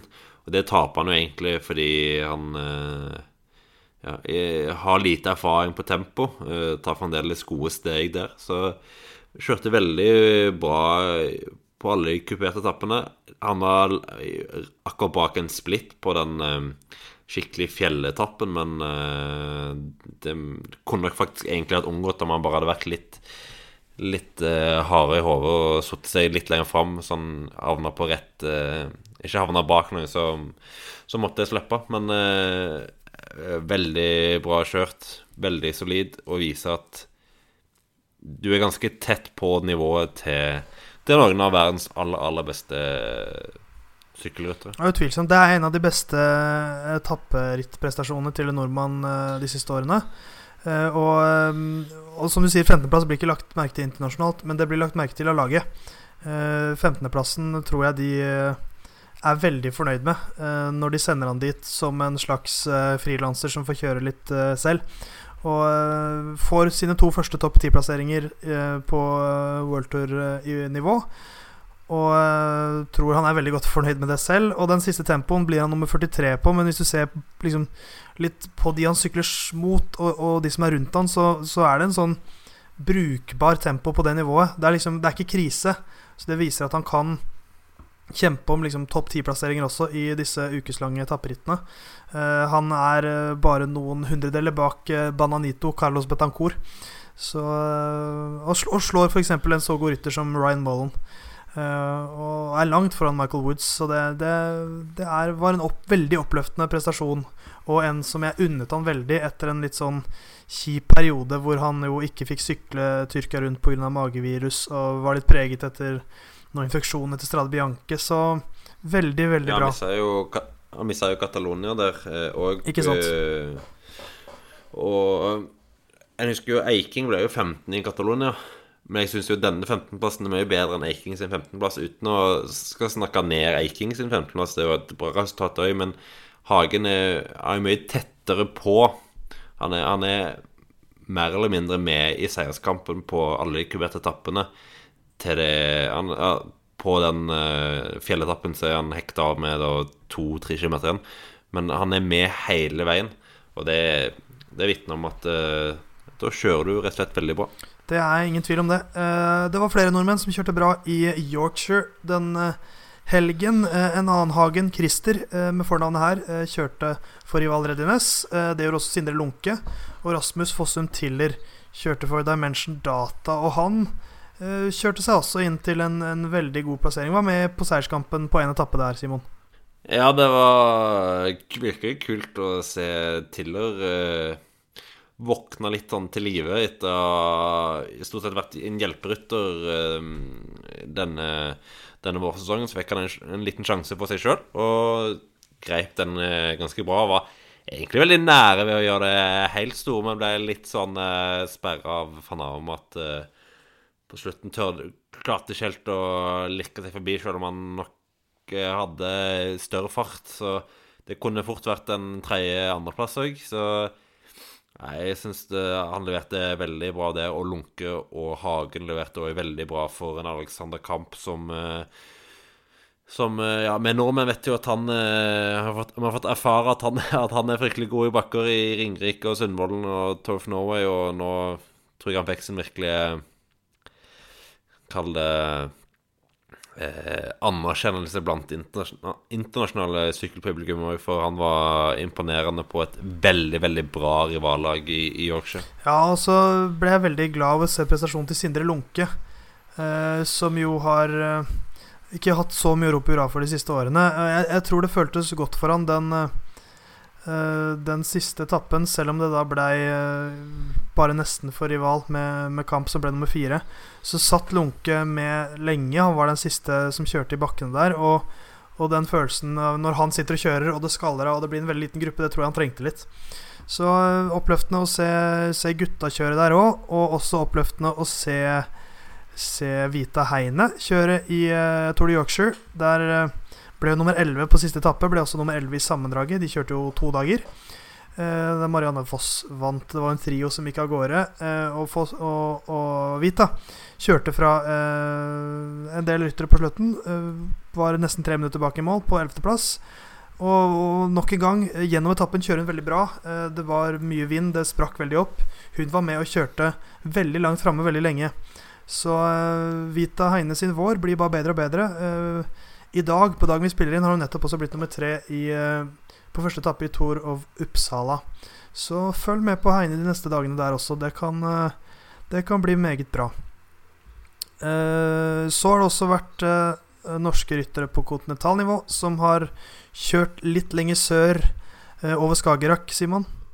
Ja, både Conti-rytter og en haug med klubbrytter òg. Kjørt i, i, Danmark, i Himmerland og skiveløpet. Eh, og Trond Håkon Tronsen ble beste nordmann, eh, beste nordmann eh, begge de to dagene, med fjerdeplass i Himmerland og sjetteplass i Rent liv skiveløpet. Eller Rent liv-løpet i skive, heter det kanskje. Så han virker til å være i, relativt bra slag. Flere topp ti-plasseringer på, på andre norske rutter òg. Og det er jo viktig å på en måte stå igjen som, som beste rytter for de norske kontilagene når en kommer i den rekka med rittgjør. Nå er det jo Sundvolden og Ringerike denne helga.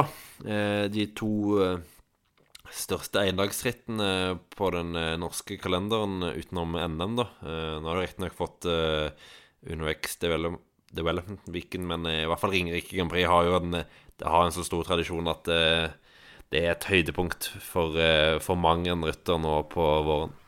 Det er utvilsomt. Så det blir spennende å se. Det, Trond Håkon Tronsen virker i hvert fall å være i, i bra slag så var det jo flere nordmenn uh, som kjempet i toppen. Skjerping var nummer sju i Himmeland rundt. Fridtjof Røynås var åtte. Resell var ti. Kan også nevne Sondre Midtsveen, som var elleve, klubbrytter. Så det var mange nordmenn i toppen. Skorseth var inne på åttendeplass i skiveløpet. Så det er en del nordmenn som, som virker å ha prikket formen litt inn mot helgen. Og du skal jo dit, Simon. Så jeg regner med at det kommer noen fete saker på procycling.no også i løpet av helgen om de norske rittene, ikke bare girofokus. Jeg håper det. Hvis ikke så har jeg vel ikke gjort jobben min skikkelig. så nei, det, det, er bare å følge med på sidene våre. Vi kjører live fra begge dagene, så da er det bare å henge med. Så kan du følge med på tekst live der mens du får eh, giroen eh, på, på Eurosport. Så det er jo eh, bare herlig, det, tror jeg. En lang podkast drar seg mot slutten, men vi skal Også denne uken, Simon, dele ut uh, slakt og skryt. Vi skal dele ut uh, en rød laterne til en som fortjener litt uh, kritikk. Og et rødt startnummer til en som fortjener litt skryt. Og du skal begynne med en rød lanterne, Simon. Og hvem er den uheldige denne uken? Jo, det er en en fryktelig god sykkelrytter på sitt beste. Det er vel lov til å si. Eh, du vet jo navnet på denne personen, Theis, eh, så jeg tror du kan bekrefte det. Jeg stiller meg 100% bak det. Ja. Eh, men han har nå for første gang i karrieren gått over Eller første gang siden han vant sin første UCI-seier. Første proffseier òg, for så vidt. Gått over ett år uten å ta en seier. Og Mark Cavendish har hatt en lang vei tilbake etter å ha slitt med kystsyke de siste årene. Men en så jo bl.a. i Tyrkia at han har jo nivået inne når han blir nummer tre på den ene etappen der bak, eh, bak Fabio Jacobsen og Sam Bennett og foran Kelly Bune. Da, da er jo fremdeles en veldig god sykkelrytter. Du har du har uh, hastigheten, du har uh, det du trenger for å gjøre et bra resultat. Og i Tour de Yorkshire så var spurtfeltet, for å si det ganske forsiktig, ganske dårlig. Eh, det var ikke veldig mye å rope hallo for. Eh, og jeg, jeg skrev eh, etappesaken på den andre etappen, og da begynte jeg å kladde sånn Endelig skulle lykkes for Cavendish. Første seier på 449 dager, tror jeg det var da. Nå har han jo passert 450, da. Men Det er så irriterende, egentlig, å se på Cavendish. For ja, opptrekket fungerer ikke alltid perfekt, men han, både på den første og andre tappen så kommer han seg i relativt greie posisjoner. Men så blir han sittende og nøle. Han, han mangler killeren, og så blir han bare sittende låst, og så gir han opp.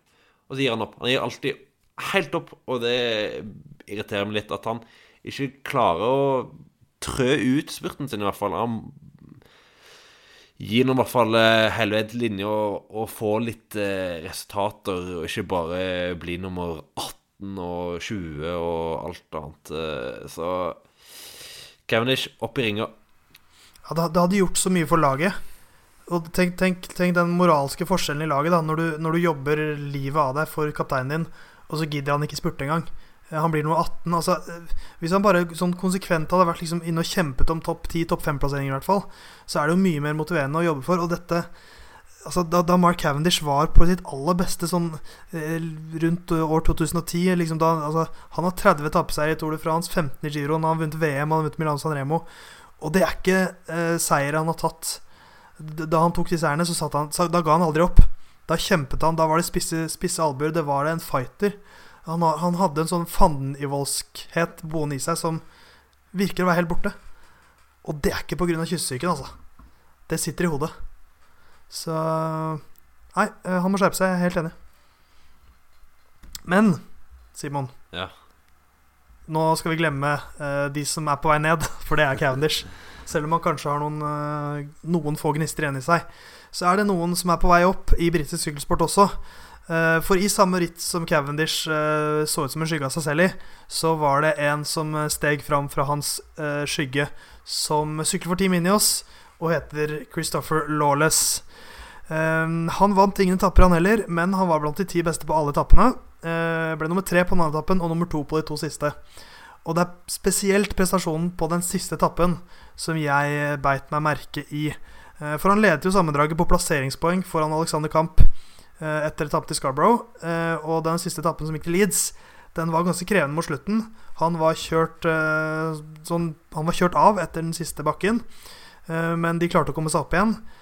Og det øyeblikket som jeg ble mektig imponert av, skjer like før målgang i Leeds. Når Greg van Avmat, en mann som har vunnet det aller, aller meste, kliner til i den siste lille slake stigningen så er det én mann som klarer å følge han. Og det er ikke eh, Alexander Kamp, som mange har trodd. Det er Christopher Lawless i ledertrøya. Eh, måten han syklet på, ga tilbake til lagkompisene sine, som hadde gjort alt for ham på den etappen. Eh, syklet ut av seg selv. Og eh, så blir det mye prat mellom de to på slutten og sånt. Eh, på oppløpet så prøver han ikke engang å utfordre Geir van Amat, for han vet at blir jeg nummer to her, så vinner jeg sammenlagt. Uh, og det gjør han også. Og, den følelsen han må ha sittet med da, eh, tar sin, sin klart største seier på hjemmebane i Yorkshire. Den første seieren til Team Ineos som Team Ineos går til en 23-åring eh, på hjemmebane. Det er noe sånn symbolsk over det også, at dette er liksom et, et, sted, et Ineos som er klart for fremtiden. Eh, og se den gleden til, uh, til Lawless i målområdet, uh, det var helt strålende. Så, så selv om Cavendish er på vei ned, så kommer det nye raske ryttere opp. Absolutt. veldig imponerende måten han uh, fulgte van Avermaet uh, rett og slett klistra på hjulet. Denne podkasten er ikke redigert ennå, men jeg er ganske sikker på Simon, at dette er det lengste vi har lagd noensinne. Så vi klarte å prate ganske lenge, selv om vi var uten Knut i dag. Ja, nå er det vel rundt eh, to og en halv time siden jeg ble ringt opp på Skype, og to, godt over to timer siden jeg startet opptakeren, så hvis du har klart å komme deg gjennom hele veien nå, kjære lytter, så sier jeg eh, gratulerer. Nå er det snart slutt. Men det er som disse treukersrittene. Det gjelder å henge med helt til mål. Uh, hele Giro d'Italia går jo på Eurosport, uh, som vi har et redaksjonelt samarbeid med. Få med deg det. Sjekk også ut proseng.no. Der får du favorittips uh, og saker fra de norske rittene. Og vi følger selvfølgelig hele Giro d'Italia med de ferskeste og viktigste nyhetene. Uh, vi i Musett-redaksjonen setter enorm pris på alle som går inn på iTunes og gir oss en rangering. Det er stadig flere som gjør det. Folk legger til og med inn en liten kommentar hvor de til og med skriver mitt slagord 'Ranger, abonner og last ned'. Uh, og da blir jo jeg veldig glad. For det tyder på at vi har en varemerke på gang. Jeg trodde det var, det er bra, Simon. Jeg trodde det var ranger, last ned, abonner. Ja, det er på en måte en sånn flytende trio. Det er litt som Men, du, men, nå, eh, men nå sa du ranger, abonner, last ned. Ja, ja nei, nei, men det, det er som, det er som eh, Jesus, Gud og Den hellige ånd. Det er egentlig det samme. og det spiller ingen rolle hvilken, hvilken rekkefølge man sier det på. Uh, men gjør i hvert fall det, så blir Simon kjempeglad, og jeg blir enda mer glad. Uh, og Simon, vi gleder oss til giroen, eller? Ja, det blir fint, det. Det blir fint, det. Jeg gleder meg i hvert fall sinnssykt. Jeg håper du også gjør det. Så hører du mer fra oss gjennom Giro d'Italia.